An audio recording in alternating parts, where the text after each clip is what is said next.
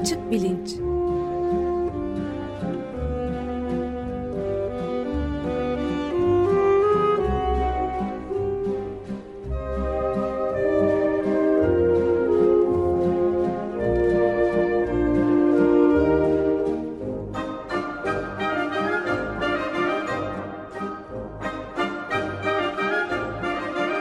Güven Güzeldere ile bilim ve felsefe sohbetleri. Günaydın Güven Bey, merhabalar. Günaydın Ömer Bey. Günaydın Güven Bey, merhaba. Günaydın Can. Evet, yeni yılın ilk ikinci programını yaparken nereden, biz kimiz, nereye gidiyoruz filan sorularını soracağımız bir durum var ve bir konuğumuz var. İsterseniz e, onu siz e, takdim edin. Bizim için de gayet aşina olan bir isim. Ee, Tabii memnuniyetle lütfen. konuğumuz e, İstanbul Bilgi Üniversitesi'nden Doktor Murat Paker. Hoş geldin Murat. Hoş bulduk, merhabalar. Hoş geldin Murat. Hoş geldiniz. Hoş bulduk. E, Murat'ı e, şöylece tanıtayım. E, bir kere açık bilinç e, dinleyicileri e, aşinalar. Çünkü e, Amerika'da CIA'in e, psikologları işkence içeren yöntemler e, geliştirmek e, konusunda yönlendirdiği, onlarla işbirliği yaptığı konusunda bir rapor ortaya çıkınca bunu tartışmak için e, konuk olarak e, açık bilince katılmıştı birkaç sene önceden. O programı merak edenler için ben e, programın podcast linkini Twitter sayfasından paylaştım. Ama yine de e, hatırlatayım e, hem tıp hekimi hem klinik psikoloji doktoru e, Murat Paker, e, psikoterapist, e, İstanbul Bilgi Üniversitesi'nde öğretim üyesi, Bilgi Üniversitesi'nin klinik psikoloji yüksek lisans programının e, kurucu direktörü.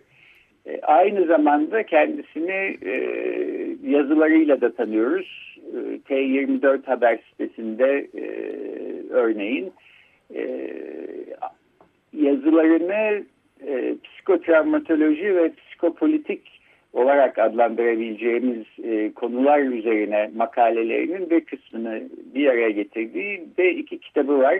2007'den Psikopolitik Yüzleşmeler e, birikim yayınlarından çıkmış olan ve geçen sene İstanbul Bilgi Üniversitesi yayınlarından çıkmış olan Türkiye Debelenirken e, başlıklı iki kitap.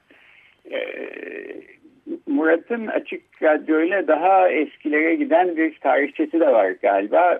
Bu, benden de eskiye gidiyor. Onu siz biliyorsunuz evet, Ömer Bey. E, biz de bu Irak'ın işgal ve istilasına giden, e, istila ve işte, işgaline giden günlerde çok travmatik günlerdeyken Amerika Birleşik Devletleri'nde e, Barış İnisiyatifi diye bir şey kurulmuştu. O vesileyle hem bir araya gelmiş hem de telefonla da bağlantılar yapmıştık. Ayrıca Türkiye'de de görüşmüştük. Çok hararetli günlerde sık sık beraber oluyoruz işte. Travmasız, travmatik günlerde. Bu da onun 14. yıl dönümüne denk geliyor. Bu da mutluluk verici bir şey. Tekrar böyle durumlarda bile buluşuyor olmak. Evet üstelik karda kışta e, Murat sana da zahmet vermiş olduk. Teşekkürler. Zevkle ee, geldim kaya kaya. ben o zaman e, konuya çok kısa bir giriş yapıp sözü sana bırakayım. E, yeni yılın birinci programında öğrenilmiş çaresizlik e, denen durumu konuşmuştuk. E, o programa aslında e, çok sayıda e, cevap e, tepki geldi. E, olumlu anlamda e, söylüyorum. E, hemen ismini alayım e, dinleyicilerimizden Akın Yılmaz e, örneğin e, uzunca bir mektup yazıp çeşitli önerilerde bulunmuş. Nereye gidiyoruz? Bu konuyu konuşmamız lazım demiş.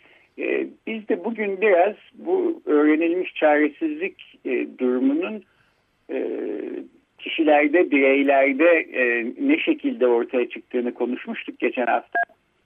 E, fakat bir toplumsal tezahüründen e, öğrenilmiş çaresizliğin bahsedilebilir mi? Biraz bundan konuşalım diye düşündük.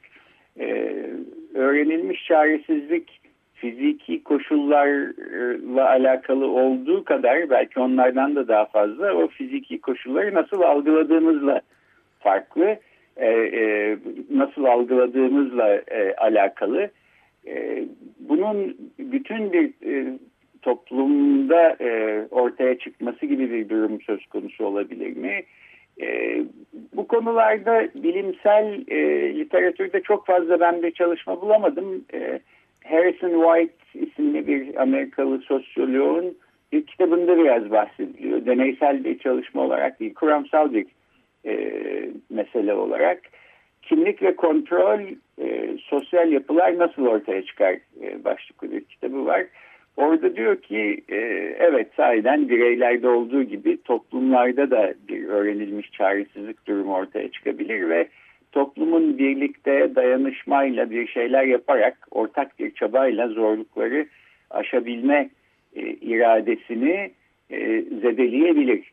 E, bütün bunların biraz e, Murat senin e, uzmanı olduğun travma sonrası durumlarla da alakası var gibi gözüküyor. Hiçbirimiz bugünden yarına ne olacağını kestiremez bir haldeyiz. Yani içimizden kaç kişi tamam artık bu zor günlerin sonuna geliyoruz. 2017'de başka kötü şeyler olmaz artık. Bombalar patlamaz, suikastlar olmaz. E, Türk parası değerini yitirmeye devam etmez. E, uzakta bir e, ışık gözüküyor e, diyebilir. E, çoğumuz diyemiyoruz. Ve belki bundan da kaynaklanan bir e, bir tür e, paralize olma durumu, bir e, ruhi felç e, durumu e, söz konusu mu? Travma açısından e, nasıl e, açıklanabileceğini de merak ettik. Böylece e, işte bütün bu zor soruların hepsini sen e, cevaplayabilirsin diye ben şimdi sözü sana bırakıyorum. Ve varsa da nasıl engellenebilir tabii bir de o. Evet. E, bu e, geçen gün haberleştiğimizden beri bu öğrenilmiş çaresizlik meselesi üzerine biraz e, kafa yormaya çalıştım. E, kısmi bir açıklayıcılığı olabilir ama e, bu içinden geçmekte olduğumuz tabloyu, e, onun karmaşıklığını anlatmakta e, biraz yetersiz kaldığını düşünüyorum öğrenilmiş çaresizliğin. Ee, öğrenilmiş çaresizlik. Ben geçen haftaki programınızı dinleyemedim. O yüzden tam nasıl e, koydunuz ortaya bilemiyorum. Kusura bakmayın o yüzden. Ee, ama öğrenilmiş çaresizlik hani klasik paradigmasında işte deney fareleri altında elektrik akımı verilebilir bir kafese konur. Ee, kafesin yarısında elektrik akımı verilebiliyordur, yarısında verilemiyordur elektrik akımı verildiğinde fareler elektrik akımı olmayan yere kaçarlar. Bunu öğrenirler kısa bir sürede ve akımsız yerde daha güvenli bir şekilde dururlar. Sonra ikinci aşamada e, kafes ikiye bölünür ve farelerin kaçacak, e, akımsız yere kaçacak hali kalmaz. Ve akım verilir. Fareler bir süre sonra e, kaçmak için çabalamayı bırakırlar. Yani çaresizliği öğrenirler. E çünkü kaçacak yer yoktur çaresiz bir şekilde akım üzerinde beklerler. Yani ızdırabı yaşarlar e, ve bir şey de yapmazlar. Çünkü yapacakları bir şey olmadığına inanmış durumdadırlar. Üçüncü aşamada o aradaki bölme kaldırılır. Artık kaçabilir haldedirler elektriksiz tarafa. Ama artık e, tekrar kaçmazlar. Çünkü o çaresizlik iyice öğrenilmiştir, e, sinmiştir bünyelerine ve ee, işte bu ilk başta depresyonun depresyonu açıklayabilecek bir model olarak düşünülmüştü. E şimdi şey bu, e, öğrenilmiş çaresizlik modeli klasik olarak bildiğimiz model bu. Türkiye toplumunun ya da büyük toplumların tam buna uygun e, olup olması çok kolay gözükmüyor bana. Hele de yani spesifik olarak Türkiye toplumu e, şu sırada böylesine bir e, çaresizlik e, içindeymiş gibi gelmiyor. Daha çok şu geliyor yani toplum tabii ki homojen değil. Oradaki fareler gibi hepsi aynı biçimde bir şeylere maruz kalmıyorlar. Gayet e, farklı kesimleri var. E, şu anda en azından üç tane bayağı birbirinden neredeyse kopuk diyebileceğimiz topluluklar var Türkiye'de. Bunlar e, olan bitenden aynı derecede etkilenmiyorlar. Olan biteni aynı biçimde algılamıyorlar. E, bayağı farklı hakikat düzenlerinde, hakikat rejimlerinde yaşıyorlar.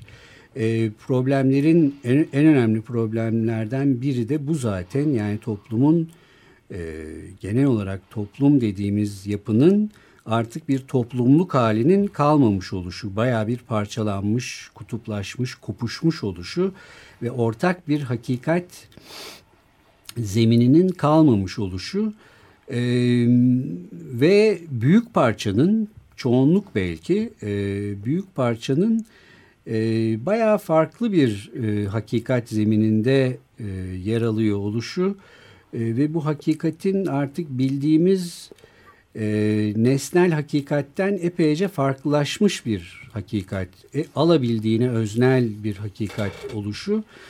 E, dolayısıyla e, o kesim e, yani iktidarı destekleyen, şu ya da bu düzeyde destekleyen kesim e, için e, bir çaresizlik durumundan bahsetmek çok kolay değil. Onun tersine... E, bayağı bir e, aktif, e, destekçi, e, umutları olan, e, bir şeyler yapıldığına, iyi bir şeyler yaptığın, yapıldığına inanan, e, daha da iyi olacağına inanan çok geniş bir kitle var Türkiye'de. E, o kitle e, henüz böyle duvara çarpmış ve büyük bir e, şok yaşayan, çaresizlik yaşayan, umutsuzluk yaşayan bir kitle değil hani öğrenilmiş çaresizliği e, daha e, muhalif, daha e, sert muhalif kesimlerin bir kısmına belki atfedebiliriz. E, bayağı bir e, engellenmiş oldukları için, e, umutsuzlaşmaya başladıkları için e, onlar için düşünebiliriz ama toplumun büyük çoğunluğu için e, e, bayağı e, uzun dönemli tarihsel bazı dinamiklerden beslenen e, eski yaraları, eski travmaları, eski yoksunlukları e, aşırı bir telafi etmeye çabalayan e, mekanizmalar söz konusu sanki. E, onlar üzerinden e, o dinamiklerin katkısıyla onların ayrıntısına gireriz belki o dinamiklerin katkısıyla e, karizmatik bir liderle e, aşırı özdeşim içerisine girip e, bu lidere e, e, devredip kendi öznelik hallerini devredip e, lidere e, vicdanlarını, akıllarını, tahayyüllerini devredip e, onun üzerinden devam etme ve onun üzerinden bir çare, bir umut bekleme gibi bir durum var ve aktif bir destek bu, pasif bir destek de değil 15 Temmuz sonrasında gördüğümüz gibi. E, dolayısıyla ben burada öğrenilmiş çaresizlik paradigmasının çok e, bizi çok e, ilerletebileceğini düşünmüyorum. Yani kısmi bir açıklayıcılığı olabilir. Daha çok e, Nazi Almanyası'ndan önce mesela bir, e, bir, Birinci Dünya Savaşı ile İkinci Dünya Savaşı arasındaki dönemde nasıl oldu da Almanya gibi e, bir sürü açıdan o zaman bile oldukça gelişkin sayılabilecek, sosyoekonomik ve politik açılardan gelişkin sayılabilecek bir toplumda e, Naziler gibi bir e, ideoloji e, ciddi bir toplumsal destek bulabildi e, o zaman da e, işte rasyonel analizler yapılmaya çalışıldığında bu hiç rasyonel bir şey olarak düşünülmüyordu. Bugün de baktığımızda yani nasıl bir ne, nedir bunun rasyoneli diye düşünülebilir. E, keza İtalya'da e, benzer bir durum yaşandı. E, maalesef toplumlar e, böyle her zaman e, rasyonel ilkeler değerlendirmeler üzerinden işlemiyorlar, çalışmıyorlar. Ee, o dönemle, o dönemki toplumsal dinamiklerle Türkiye'nin bugünkü dinamiklerini karşılaştırmanın ilginç e, olacağını e, düşünüyorum. Belki biraz onu yapabiliriz. E, ne tür telafi çabaları insanları e, rasyonel analiz düzeyinde hiç de iler tutar tarafı e, gözükmeyen bazı şeyleri destekler, ısrarla destekler halde tutabiliyor. E, bunları e, düşünmemiz lazım. E, Murat Peker ben de şunu sorayım hemen. E, yani ciddi bir en azından tarafsız bir, bir taraf ya da nesnel bir değerlendirme yapıldığında ciddiye ciddi şekilde düşmeye e, meyleden bir takım grafikler var. Yani işte ekonomik durumda da kötüleşme var. Hmm. E, devam eden ve gittikçe de yükselen şehitleriyle, kayıplarıyla önemli bir dış savaş var başka bir ülkenin içinde. E, Birçok e, kriter açısından e, problematik bir durum var. Yani bir duvara doğru gidiş izlenimi veriyor. Bunu e, algılama e, kapasitesinde neden e, bu kadar toplumun çeşitli kesimlerinde farklılık olabiliyor diye belki düşünebilir. Yani ben mesela ya da benim çevremdeki bazı insanlar daha tehlikeli bir gidişat içinde olduğunu düşünüyor olabilirler ama buna karşılık senin de biraz önce söylediğin gibi önemli bir kesimde yok her şey yani dolar da e, düşecektir. E, dolar e, Türk lirası paritesi de ve şeyde e, işler düzelecektir dışta da içte de diye bakanlar var. Bu bir, bir yani algılamayı engelleyen bir faktör olabilir mi nedir? E, Valla işte bu tür kriz durumlarında sert e, sosyoekonomik e, süreçlerde e, insanlar tek tek e, gazete okuyup radyo televizyon dinleyip ne oluyor acaba diye rasyonel analizler yapmıyorlar.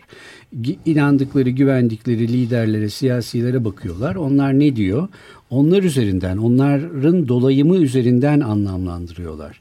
Türkiye'de çoğunluk şu anda e, işte Türkiye'nin iç ve dış düşmanlarının e, Türkiye'ye yönelik büyük komplolar kurduğunu, e, Türkiye'yi işte zor duruma sokmak, teslim almak için e, çeşitli hesaplar, komplolar yaptıklarını düşünüyorlar. Öyle anlatılıyor onlara. E, onlar da buna inanıyorlar.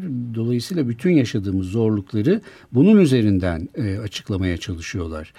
Ee, yani dolar yükseliyorsa işte büyük bir tezgah var. O yüzden yükseliyor. Dolayısıyla bizim buna direnmemiz lazım. Dolarlarımızı bozdurmamız lazım. İşte Türk lirasını bilmem ne yapmamız lazım. Bütün o anlatılanlara inanıyor insanların önemlice bir kısmı ya da işte e, savaş durumu oluyorsa, insanlar ölüyorsa e, mecburen oluyor, ölmek zorunda, gerekirse daha çoğu ölecek zorunda. Buna inanıyorlar insanlar.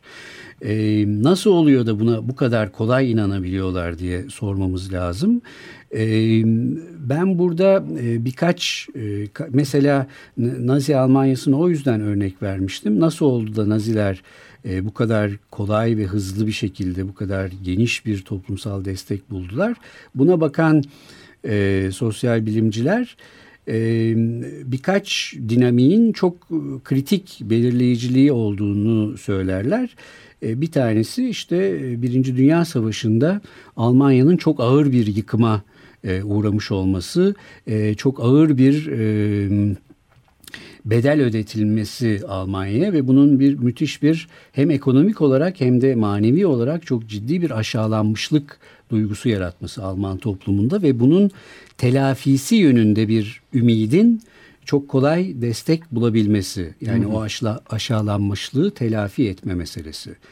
Ee, daha eski, daha derin bir dinamik Almanya'nın e, geç e, kapitalistleşmeye başlayan, geç ulus devletleşmeye başlayan, hani Amerika'ya, İngiltere'ye ve Fransa'ya göre gene e, dünyadaki ekonomik nimetlerden e, daha fazla pay kapma e, konusunda diğerlerine göre telafi etme mekanizmasını daha hızlı çalıştırması gereği bunun da önemli bir faktör olduğu bir de çok eski yüzyıllardır süren antisemitik geleneğin de e, devreye girmesi. En azından bu üç faktör bir araya gelip e, Nazilerin e, güç kazanmasına o çok özel konjonktürde güç kazanmasına yol açtı e, diye düşünülebilir. E, Türkiye'de de şöyle telafi mekanizmaları var. Bir e, İslam'la ilgili ciddi bir e, mesele var. İslam e, üzeri İslamcılık üzerinden e, siyaset yapan bütün eğilimler e, bin yıllık, e, bin yıldan da fazla belki e, müthiş bir mağduriyet söylemi, e, yenilgi ve hak kaybı, e, adaletsizlik e, ve bunun mutlaka hızla telafi edilmesi üzerinden bir söylem üretiyorlar. Ve bunun haklılığına yüzde yüz inanıyorlar e, ve bunun sorumlusunu e, neredeyse yüzde yüz kendi dışlarında arıyorlar. Yani dış dünya, e, Hristiyan dünya, Batı dünyası, emperyalistler, şunlar bunlar bütün bu İslam dünyasını çökertmiş durumdalar ve bunun hızla telafi edilmesi gerekiyor. Bunu e, Müslüman kitlelere anlatmak, bunun üzerinden siyasi e, ve sosyal bir söylem kurmak her zaman prim yapabiliyor. sıkışma anlarında daha da prim yapabiliyor. İşte İsrail Filistin'e e, haksızlık yaptığında, zulmettiğinde ya da Irak'a Amerika saldırdığında, Suriye'de bir operasyon, e, bir manipülasyon yapıldığında bunların prim yapma ihtimali daha da yükseliyor. Ee, hocam ben bir soru sormak istiyorum. Türkiye'den başka bu argümanı, bu söylemi kullanan herhangi bir ülke var mı bildiğiniz? Bu geri kalmıştık ya da bu e, İslam dünyasındaki ezilme vasfını kullanan, kendi söyleminde bütün, kullanan bütün var mı? Bütün İslamcı hareketlerin temelinde. Suudi, Suudi Arabistan mesela, Birleşik Arap Emirliği, İran, diğer mesela Türkiye Cumhuriyetlerde var mı böyle ülkeler? Türkiye'nin kullandığı kadar böyle ezilmişlik üzerinden giden bir politikaya sahip olan ülke. Ee, İslamcı siyasetlerin hepsi e, Batı karşıtlığı, emperyalizm karşıtlığı, İslam'ın ezilmişliği, e, haksızlığa uğramışlığı ve bunu hızla telafi etmek üzerine kurulu. E, bütün e, değişik derecelerde.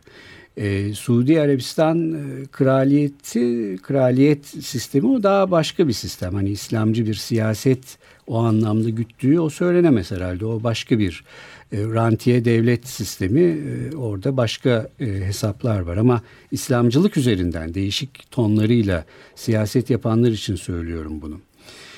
Türkiye'deki ikinci dinamik Türkçülük, Türk milliyetçiliği dinamiği. Orada da e, başka bir kayıp. Osmanlı'dan Türkiye Cumhuriyeti'ne geçiş, e, müthiş bir gerile, gerilemişlik. Gene Batı'nın e, bizi e, geriletmesi, çok ciddi e, mağduriyetlere yol açması ve bizim bunu mutlaka telafi etmemiz ve e, yeni kayıplara engel olmamız. Mesela Kürt meselesi gibi yeni kayıpların olma ihtimali her zaman e, e, yüksek görülüyor. Bunu engellemek için böyle aşırı hassasiyet durumları oluyor. Bu bir lider, karizmatik bir lider kişiliğinde bu dinamikler birleştiği zaman Türkiye toplumunun dini ve milliyetçi hassasiyetleri yüksek kitlelerini etkilemek ve başka hakikatlere çok öznel hakikatlere inandırma ihtimali yükseliyor. E, bence böyle bir e, dönemden bu, bu hallerin, bu dinamiklerin çok kristalleşmiş ve çok özel bir şekilde bir araya gelmiş e, bir durumundan geçiyoruz gibi geliyor bana. E, Murat Böke çok da e, daralan bir birkaç dakikalık süremiz içinde çok acil gözüken bir başka soruyu da sormak istiyorum. Peki bu travmatik durumda bölünmüşlük vesaire durumunda ne yapılabilir sorusunu da yani bunu nasıl giderme telafi mekanizmaları bu toplumsal parçalanmayı, travmayı önleyecek neler yapılabilir? Özellikle spesifik olarak bu anayasa değişikliği ve referandum hmm, ortamında. Ee, yani tabii hakikatleri söylemekten, eleştirmekten, değerlendirmekten vazgeçemeyiz bir şekilde. Onları yazmaya, çizmeye, e, siyasi muhalefet yapmaya devam edeceğiz ama bunun böyle e, ben gerçekleri söylüyorum dolayısıyla e, hani iş bitti e, gerçeği söylediğim zaman insanlar bunu e, eninde sonunda algılarlar gibi bir yanılsamanın olmaması lazım. E, en büyük sıkıntımız Türkiye'deki muhalefetin, e, demokrat sol muhalefetin diyelim genel olarak en büyük sıkıntısı bu demin e, bahsettiğim dinamikleri e, göz önüne alan, o hassasiyetleri göz önüne alan bu insanların e, bu hassasiyetleriyle nasıl konuşulabileceğine dair bir dil e, oluşturmak, bir temas e, biçimi oluşturmak konusunda sıkıntılar var. Bu çok e, kolay bir iş değil, çok zor bir iş sonuç olarak. E, çünkü e, epeyce farklılaşmış e, hakikat zeminlerinden bahsediyoruz. E, yani kısıtlı etkileri olacaktır konuşmanın, anlatmanın, yazmanın, çizmenin, muhalefet etmenin. E,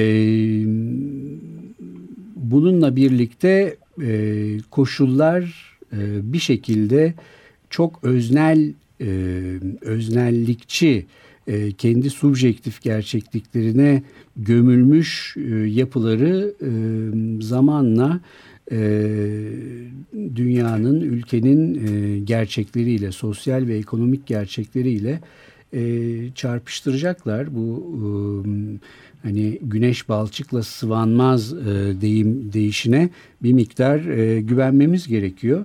E, bu e, hani yalan düzeni diyelim e, ila nihai gitmeyecek e, bir yere toslayacak ama bu çok kolay olmayacak. E, epey uzun da sürebilir. Onu görmek lazım. Evet, ama bunun için de yazmaya, çizmeye ve bunları anlatmaya Tabii. devam etmek gerekir diyoruz. Ee, Güven Bey e, bitiriyoruz galiba. Sizin söylemek istediğiniz bir şey var mı? Ben de çok kısaca toparlayayım. Çok aydınlatıcı bir analiz oldu. Bence Murat, de öyle. Ederiz. Ee, tek bir e, psikoloji paradigması her şeyi e, elbette açıklayamıyor. Biz de aslında bu konulara bağlı olarak bir dizi programla otorite, itaat ve vicdandan evet. da konuşmuştuk ve bireyin özne olma ya da özneliğini kaybetme hallerinden bahsetmiştik.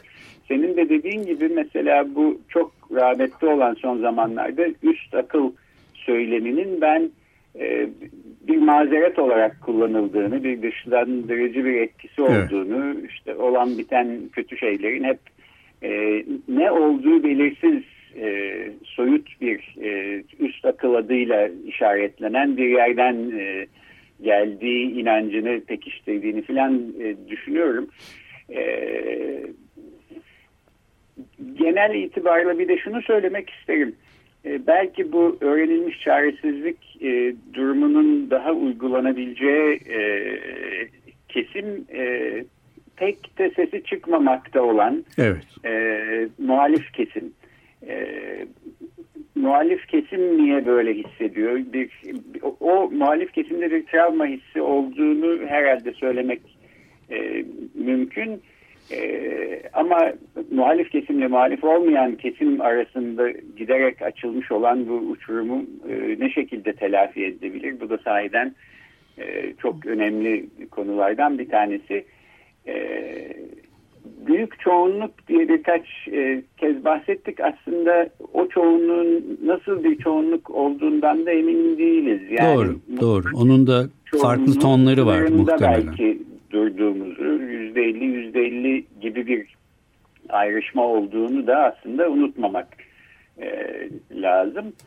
E, ben bir de şunu ekleyerek e, bitireyim. E, açık radyo dinleyicilerinin bir kısmı belki dinlemişlerdir. Geçen haftaki Altın Saatler programında Murat Baker yine konuk olmuştu ve Gürhan Ertür'le hmm. e, travmanın etkileri e, ve bugün konuştuğumuz bir takım meselelere de aslında yakın gelen e, konularda pek çok bilgiler vermişti. E, Açık Radyo'nun internet sitesinden podcast'ı bulunarak e, çok güzel bir programdı. O da dinlenebilir.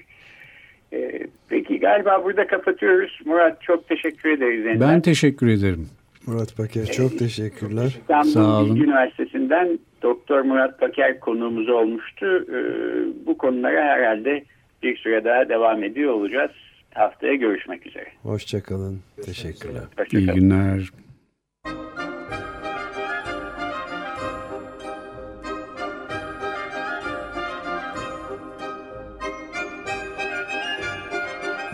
Açık Bilinç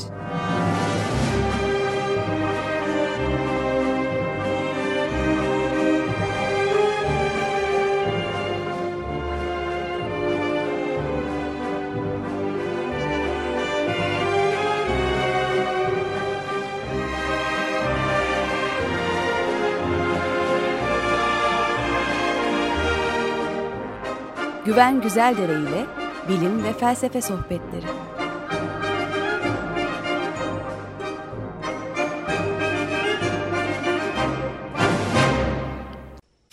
Radyo program destekçisi olun. Bir veya daha fazla programa destek olmak için 212 alan koduyla 343 41 41.